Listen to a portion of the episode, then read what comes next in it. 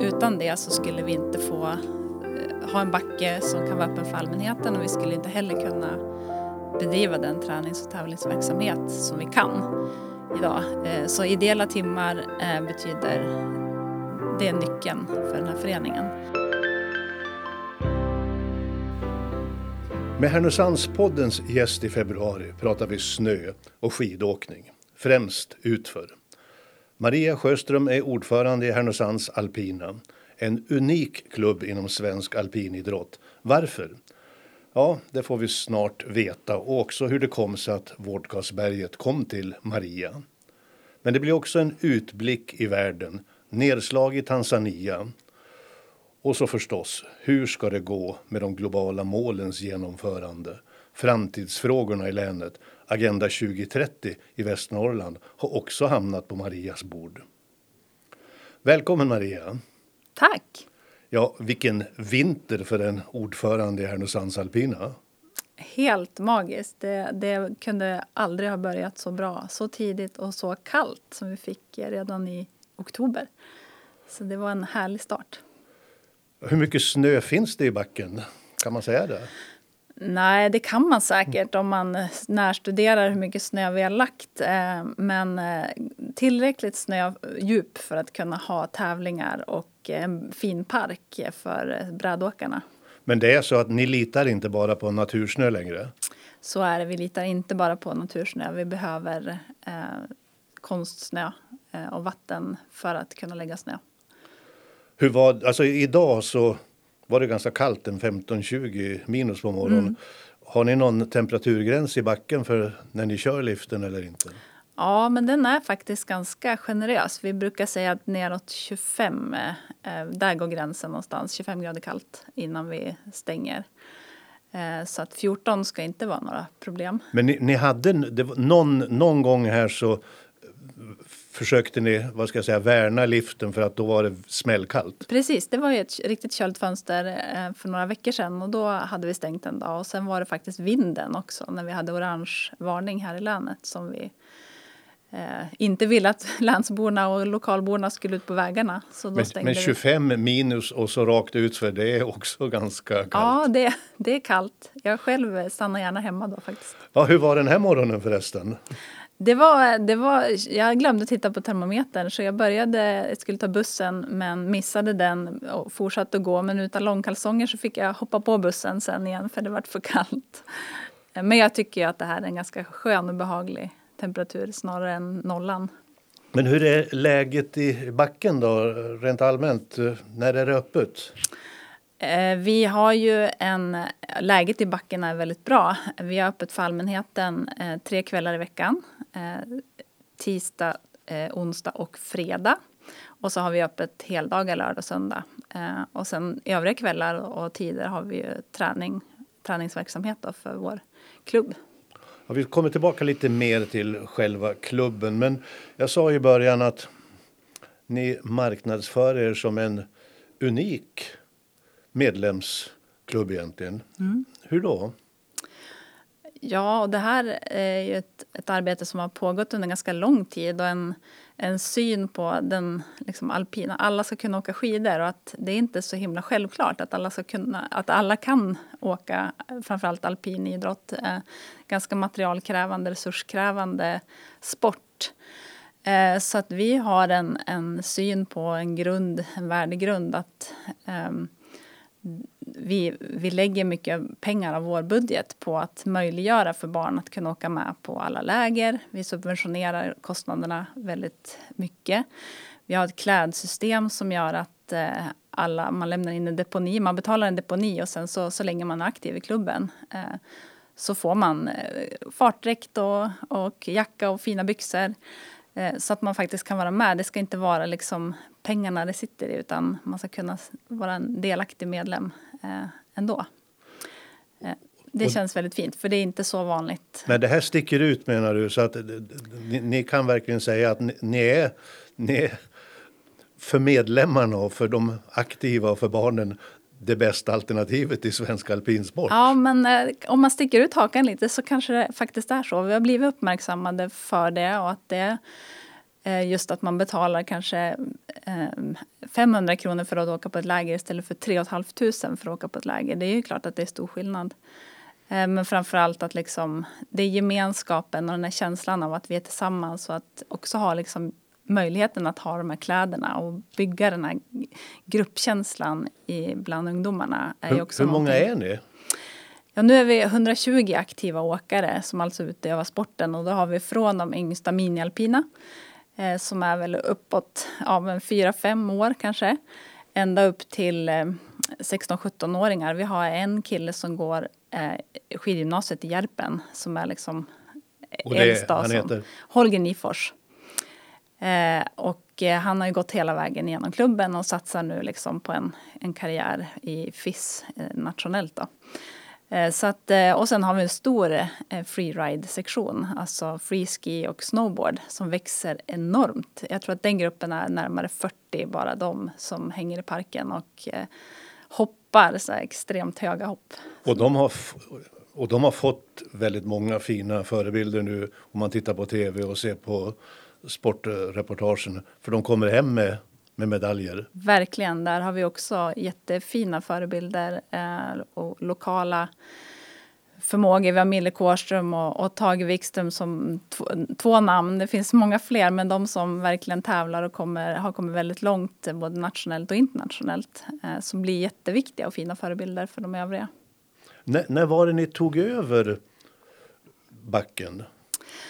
Ja, vi har ju drivit backen kan man säga ehm, tillsammans med Härnösands kommun eh, på lite olika sätt under åren. Men från egentligen förra hösten 2022 eh, så gick vi in i ett nytt driftavtal så att vi arrenderar hela anläggningen nu eh, och driver både café, skiduthyrning, vi sköter all snöläggning, liftarna, pistmaskin eller pistning. Vi anställde då också en en person som jobbar heltid för oss eh, som är liksom backchef eller driftansvarig för, för backen. Ja, jag tänkte det, det här kan inte riktigt vara en ideell ordförandes uppgift. Nej, nej precis. Det behövs verkligen eh, en person på plats hela tiden. Eh, och han, Jonas Bylund som jobbar som driftansvarig eh, jobbar i dagtid med att liksom hålla efter pistar och, och ta hand om anläggningen, drift och underhåll och så.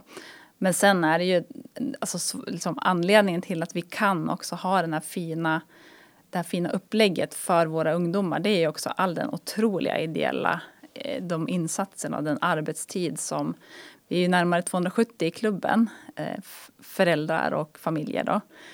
Ehm, och otaliga funktionärer eller volontärer. Eh, och vi jobbar nära Friluftsfrämjandet så att vi, vi, det är många, många timmar som behövs för att vi ska få det här att gå runt. Ja, alltså jag, jag tittade in på hemsidan och tänkte just det att det finns ju sådär bemanningsschema som är liksom grunden till att det ska gå både att hålla ner kostnader och få verksamheten mm. att rulla runt. Och det är vecka för vecka, familj för familj och förening för förening. Jag ser också Friluftsfrämjandet tar vissa pass. Mm. Vad betyder det där som sagt var? Ja, men det är, det är verkligen utan, utan det så skulle vi inte få eh, ha en backe som kan vara öppen för allmänheten och vi skulle inte heller kunna bedriva den tränings och tävlingsverksamhet som vi kan idag. Eh, så ideella timmar eh, betyder det är nyckeln för den här föreningen. Däremot så har vi liksom då, det, om man tittar på per familj så är det mellan två och tre pass i månaden så att det är inte så jättebetungande för en enskild familj. Eh, men totalt sett om man tittar på, jag tror vi har räknat på det där någon gång också, att det är liksom i pengar en halv miljon, eh, 600 000 är liksom om man omsätter det till en årsarbetskraft eh, eh, i, i timmar som vi lägger på de här få veckorna eller månaderna som vi har öppet. Och där är det lika för den enskilde medlemmen som för ordförande? Eller? Det är det. Jag stod faktiskt och jobbade som liftvärd i onsdags kväll eh, och gör mina pass jag med. Eh, och det är eh, jätte, jättekul när man, när man väl kommer dit och liksom får stå där och titta på ungdomarna som hänger i, i backen på kvällen. Ja, jag sa ju det att berget har kommit till dig.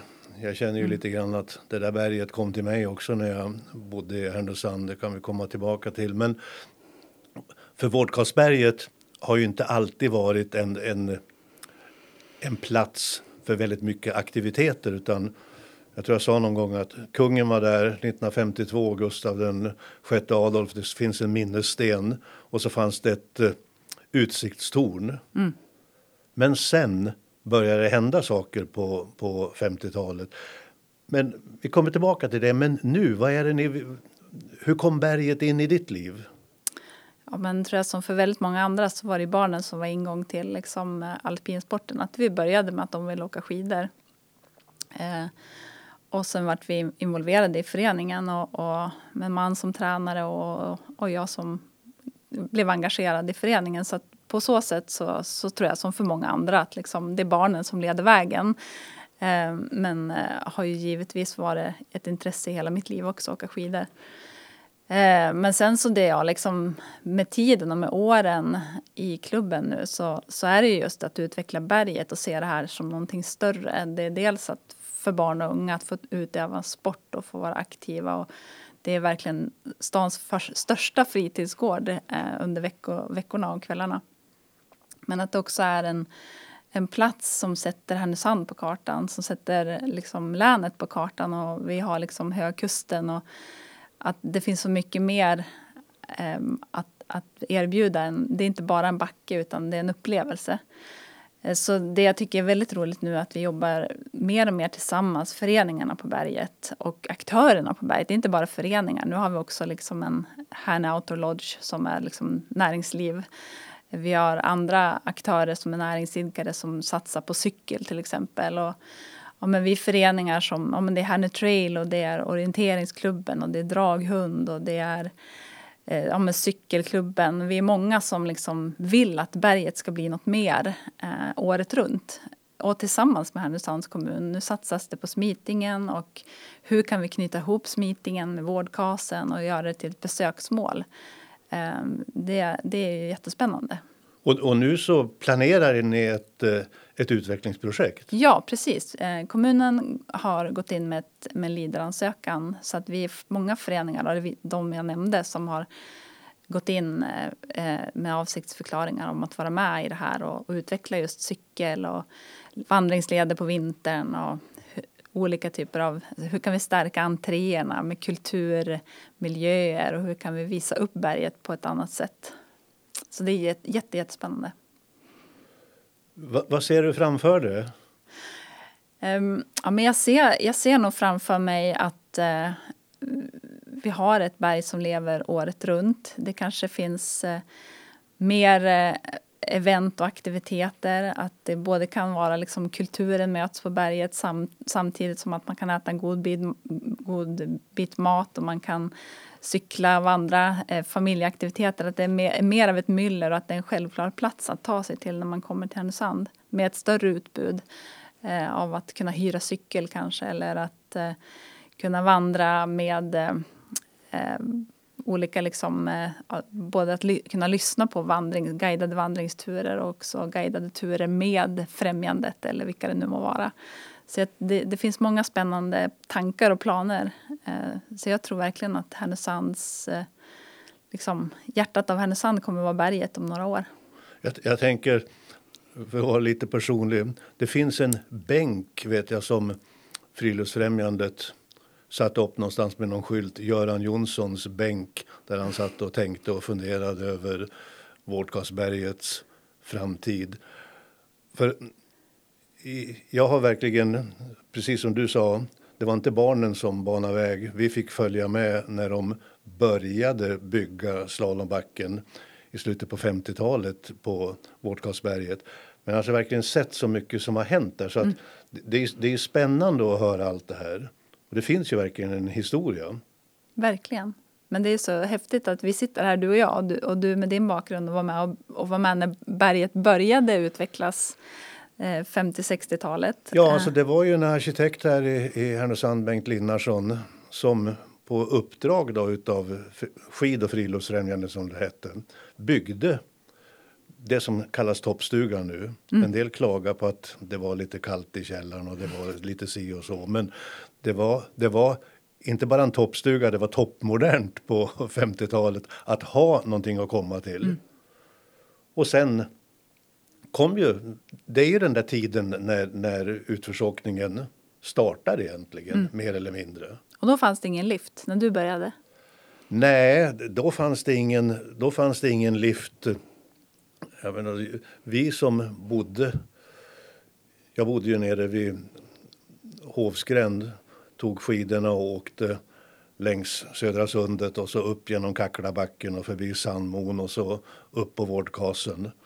Och sen så åkte vi ut för och så trampade vi upp för så vi hann väl en fem, sex, sju åk på en, på en dag. På en dag. Ja. Och sen åkte vi guppspåret hela vägen ner och då var det ut för i alla fall hem.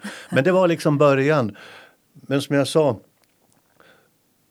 då var det Friluftsfrämjande, en av de här föreningarna mm. som du fortfarande ändå berättar om som är mm. aktiva. Min pappa var ju drivande där som ordförande. Och han hittade en bysmed ute i Häggdånger som heter Kjell Näslund.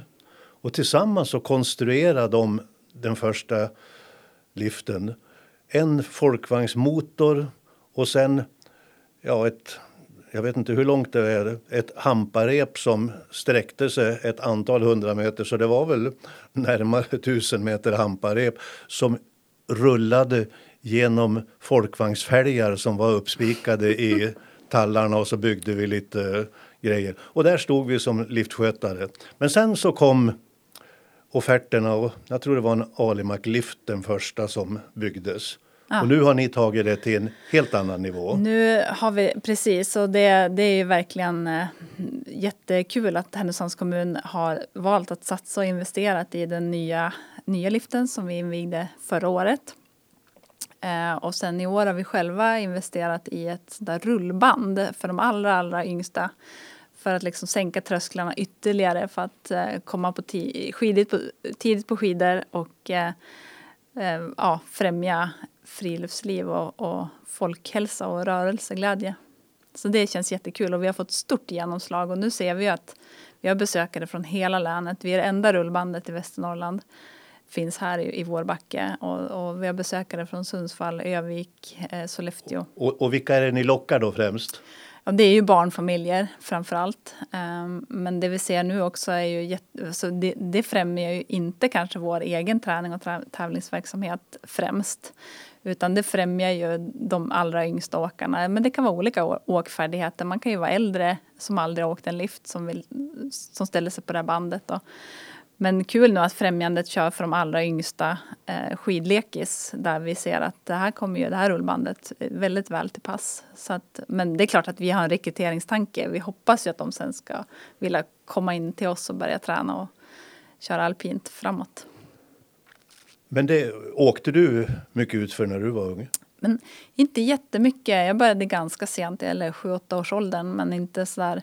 Det var faktiskt egentligen eh, äldre senare tonåren som jag började då, jag flyttade norrut till Luleå och där, där var det väldigt mycket skidåkning eh, och skidresor som gemensamt intresse med, med min man då.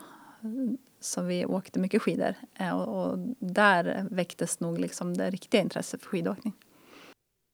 Fem snabba frågor. Blandras eller ras special? Hund, vad som. Vinter eller sommar? Vinter får jag väl säga då. Vårdkasen eller Åre? Vårdkasen. Löpning eller skidåkning? Löpning. Uppkopplad eller avkopplad? Åh, jag önskar att jag kunde säga, men nej, uppkopplad blir det nog. Men alltså du ser framför dig att Vårdkasberg, Vårdkas, det var ju ett ställe där man tände en brasa för att varna för ryssen. Varna för ryssen och skicka ut meddelanden. Nu skickar ni ut positiva meddelanden om att hit ska ni komma. Mm. Vad, vad, vad, tror du att eh, det kan innebära för, för Härnösand? Smitingen pratar om vårdkasen. Du var också inne på att pandemin betydde en hel del. Ja, men jag tror att, att eh, pandemin förde med sig just den här...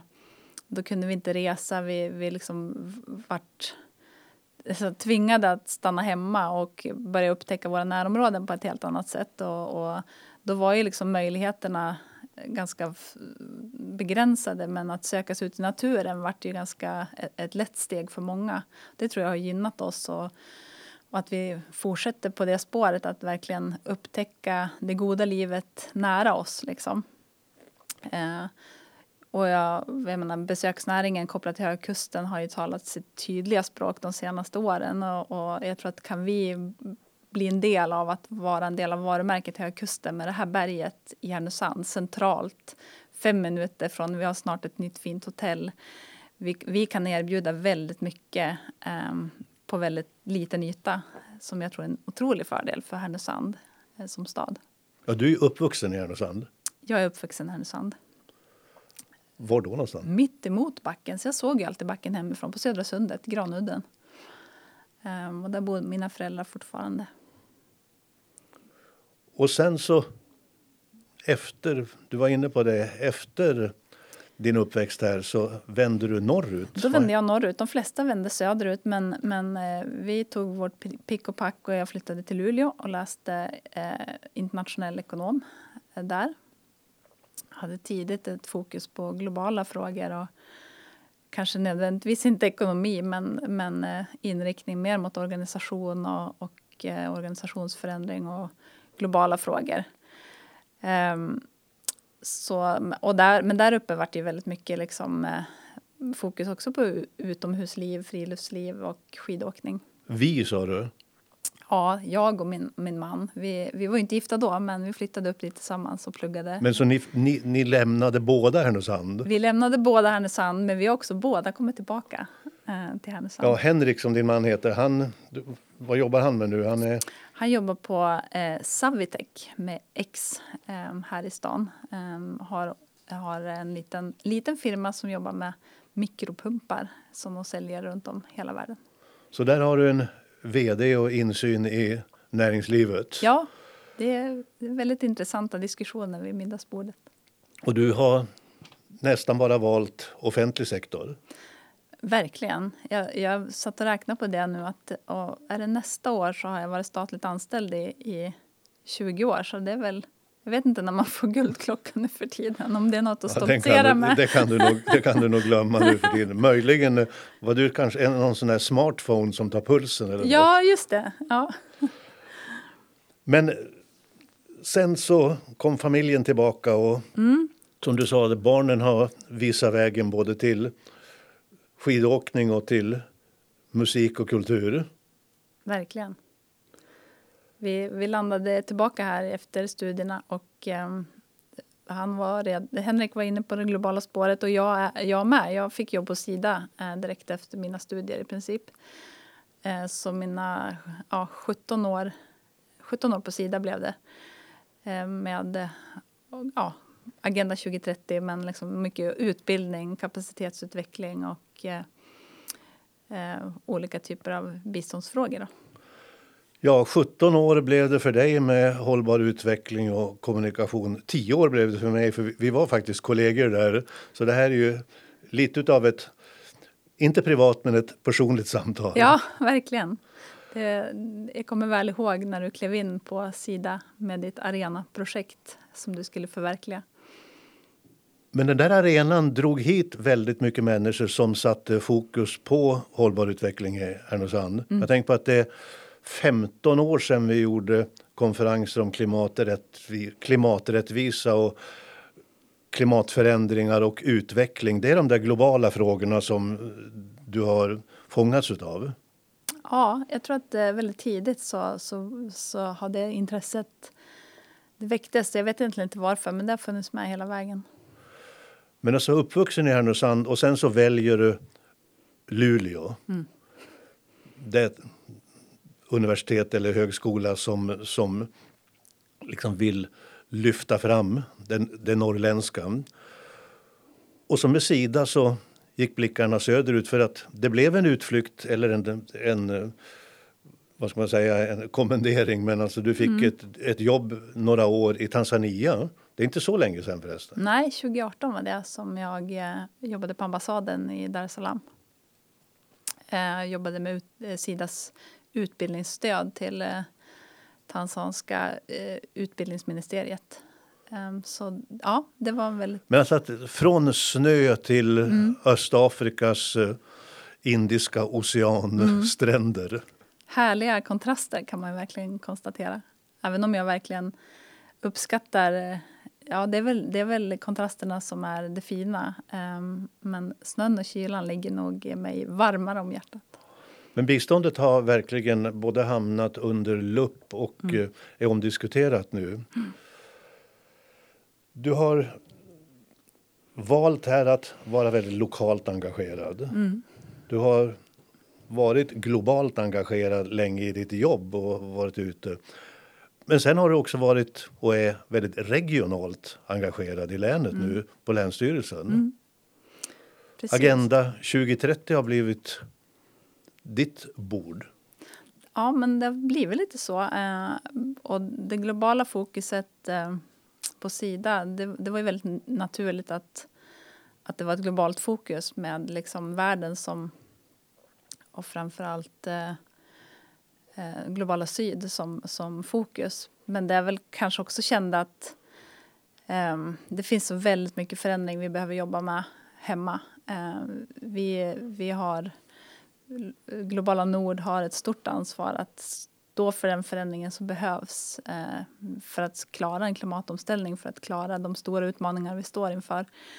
Uh, så att um, det här gräva där du står eh, och att också förstå sin lokala kontext och se liksom hur, hur skapar man förändring? Det, det, jag hamnade i någon slags dissonans i att liksom, eh, ha det här globala perspektivet där jag inte ser och förstår de lokala, liksom, allt det lokala. Utan, men men det finns, här finns det ju fantastiskt mycket att göra och ta tag i och att vi behöver verkligen vara förändringsagenter här lokalt, regionalt. Um, vi har ju ett, ett stort ansvar och tittar man på vår liksom, koldioxid, våra koldioxidutsläpp i vår del av världen så har vi ju väldigt mycket att jobba med. Om vi pratar om klimaträttvisa som vi var inne på redan för 15 år sedan så, så är det liksom våra avtryck eh, här i globala nord som är de största utmaningarna. Jag, jag minns att vi, vi hade en av de riktigt stora tankarna inom det civila samhället ifrån Indien som heter Raish Tandon. Och han sa just det att ja, vi var ju betraktade som underutvecklade. Indien är ju världens folkrikaste land just mm. nu. Och så sa han när han föreläste på Sida där runt 2005 att nu när vi har blivit utvecklade så är det problemet. Ja. Och man brukar ju säga, mm. och han, han, pekar på ett annat dilemma, det här liksom handla lokalt, tänk globalt. Mm. Men han menar ju också att man måste, man måste förena de här. Man måste både tänka lokalt och handla globalt idag. Mm. För att det är där vi ser hur världen håller på att ja, det, spricka igen. Exakt. För att det finns fortfarande sådana orättvisor. Mm. Mm.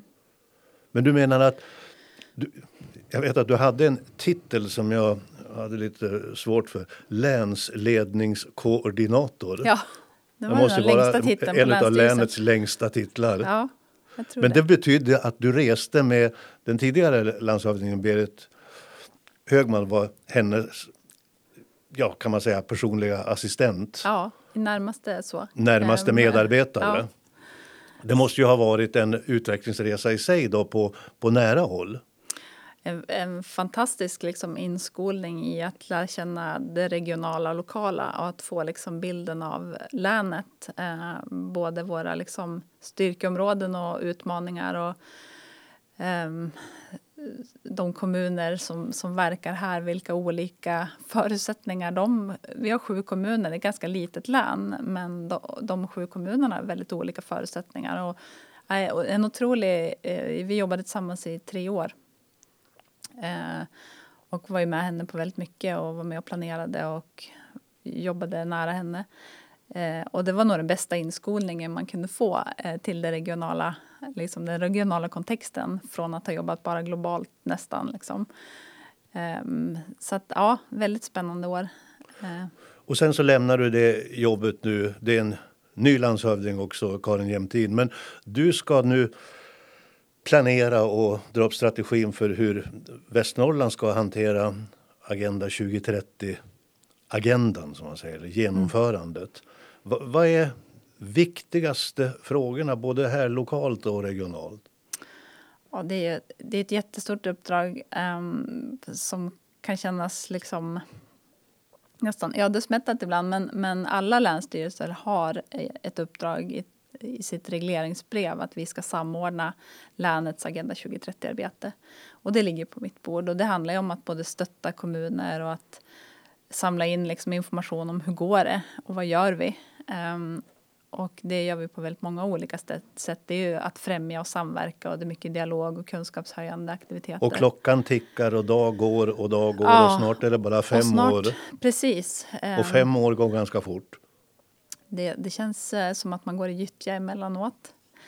Eh, men eh, samtidigt som att det känns som att det händer så ofantligt mycket spännande saker i länet och där vi också liksom, där det finns ett tydligt hållbarhetstänk och ett hållbarhetsperspektiv. Eh, vi står inför den här stora samhällsomvandlingen nu. Vi pratar om stora etableringar för den gröna omställningen. Eh, där investeringar görs för att vi behöver eh, ställa om och tänka nytt. Och där också liksom de sociala hållbarhetsdimensionerna med att liksom främja att alla ska vara med i den här omställningsresan som vi är, är på. Ehm, att eh, också få in miljöperspektivet i de här frågorna. Att vi måste liksom lämna över en jord till våra kommande generationer som mår bra och är i balans. Och det här är ju jättestora frågor, men det känns som att frågorna är på borden och, och de här frågorna diskuteras i liksom bland tillväxtchefer och regionledning och länsledning. Så Och så ska vi bli många, många fler. Men de som går i, på grundskolan och som går nian nu, mm. ja, men de är ju de här som ska jobba här nu om fem, tio år. Precis. Och det är väl ett av våra... Liksom, Eh, att, att, inkludera barn och unga på den här samhällsomvandlingsresan. Eh, att vi, liksom, vi ska forma ett samhälle som nästa generation eh, ska ta över, eller kommande generationer. Det handlar om våra barn och ungdomar och att, att skapa liksom förutsättningar för dem att kunna vara med och påverka. Det brinner jag väldigt mycket för. Och det kanske ger sig lite uttryck också, liksom, att vara engagerad i en klubb med, med ungdomar. Att, hur får vi unga att vara med i det, både i det stora och det lilla? Eh, och hur skapar vi liksom ytor och plattformar och mötesplatser där, där liksom ungas röster kommer till tals? Vi vet att det är liksom... Är det någonting som, som minskar liksom tilliten till samhället och misstron mot myndigheter så är det ju just känslan av att inte kunna påverka. Och det ser vi nu att allt fler unga har en liksom, känner en bristande tilltro till, till framtiden. Att det, är, det är väldigt, och det är ganska tungt, tungt i samhället just nu om man tittar både globalt och lokalt. Men du som har varit ute i världen och har ju sett att så många länder saknar de här välfärdssystemen. Mm. Det här säkerheten som vi har. Mm. Att man kan vända sig till någon. Att det är någon annan som ska hjälpa en eller ta hand om. Mm. Och så samtidigt så ser man att det brister om vi inte tar hand om det. Exakt. Och, och ehm, ja, jag tror att vi har väldigt mycket liksom att vi har ju som du säger, vi har ett välfärdssystem och vi måste värna det och vi måste också liksom se till att det finns en tilltro till systemet. Sen måste systemet fungera, det måste finansieras och det måste finnas, liksom, det är mycket politiska lösningar som måste finnas på plats. Men, men utan ungdomar som har en tilltro till att det finns ett samhälle som, som omfamnar, liksom, eh, då tror jag att vi ökar risken för polarisering och för, för eh, att, att vi liksom borrar ner oss djupare i, i konflikt och i um, ja, oro, helt enkelt. Vi kanske ska säga det då att uh, vi kan använda föreningsdemokratin, att mm. göra saker i förening. Mm. Det som ni gör när ni håller liften öppen eller när man kan ordna teater på, i teaterföreningens regi. Mm. Eller något liknande. Det krävs människor bakom alla de här programmen och strategierna och agendorna. Ja, det krävs människor och jag tror att det är möten mellan människor, att kommunikation och att förståelse för varandra. Att, och, och där tror jag liksom föreningen bär en otrolig, alltså det är en otrolig demokratiskola där, där vi möts på liksom, vi har en uppgift vi ska lösa, vi måste göra det tillsammans. Du kommer från den där bakgrunden och jag från den här, men vi löser det här ihop och vi möter varandra och vi hittar varandra i det. Och, och liksom rädslan att förlora allt mer av det här föreningslivet och tanken kring att vi löser saker gemensamt utan att vi får betalt. Utan att vi gör det för att vi tror på någonting. Liksom. Det är någonting väldigt starkt i det som, som jag menar hela Sverige är uppbyggt på folkrörelsetanken och idén. Eh, och det tror jag verkligen att vi ska värna eh, framåt. Det, det är nyckel för att hålla, hålla vårt samhälle levande även i framtiden. Och, och så måste vi bara sluta då för att jag minns ju att på vägen upp mot berget så hade ju även Brukshundklubben, Härnösands Brukshundklubb, sin första stuga. Och det var ju där vi startade våra draghundsträningar när jag var 15. Mm. Klockan åtta på söndag morgon. Det var lite tufft när man var 15-16 år. Men, och det är de där föreningarna som fortfarande är livaktiga i berget. Mm. Och hundar, det kan vi väl inte bara missa när vi har Maria på nej, besök? Nej, du och jag och hundar Dag. Det, hundar är, det är också en, en liksom guldkant på, i vardagen och i livet. Utan hund kommer man inte så långt. Och du har varit med om både sorg och glädje med dina hundar. Men du har varit väldigt aktiv. Jag har varit väldigt aktiv både i Brukshundsklubben och i Spaniel och Retrieverklubben. Nu har jag en, en riktigt vild eh, gatukorsning som bara älskar att vara med familjen. Så jag är inte så engagerad i någon hundförening just nu men, men hundlivet är i allra högsta grad aktivt. Och då har vi bara ett spår kvar. Du var inne på det. Herne Trail.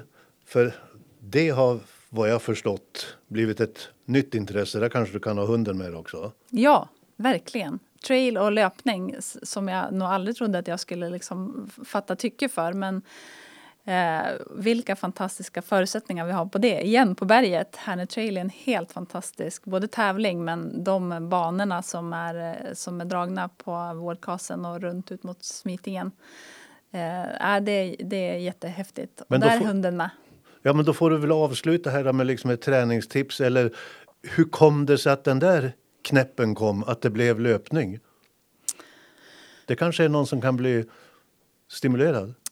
Um, ja, nej, men jag tror att det, det, var, det var faktiskt också liksom en, en, eh, konsekvens av pandemin. Att vi var några stycken som kände att vi behöver vara ute och röra på oss. Uh, och vi drog igång varandra. Och har man väl börjat så det blev en, en, ett gift.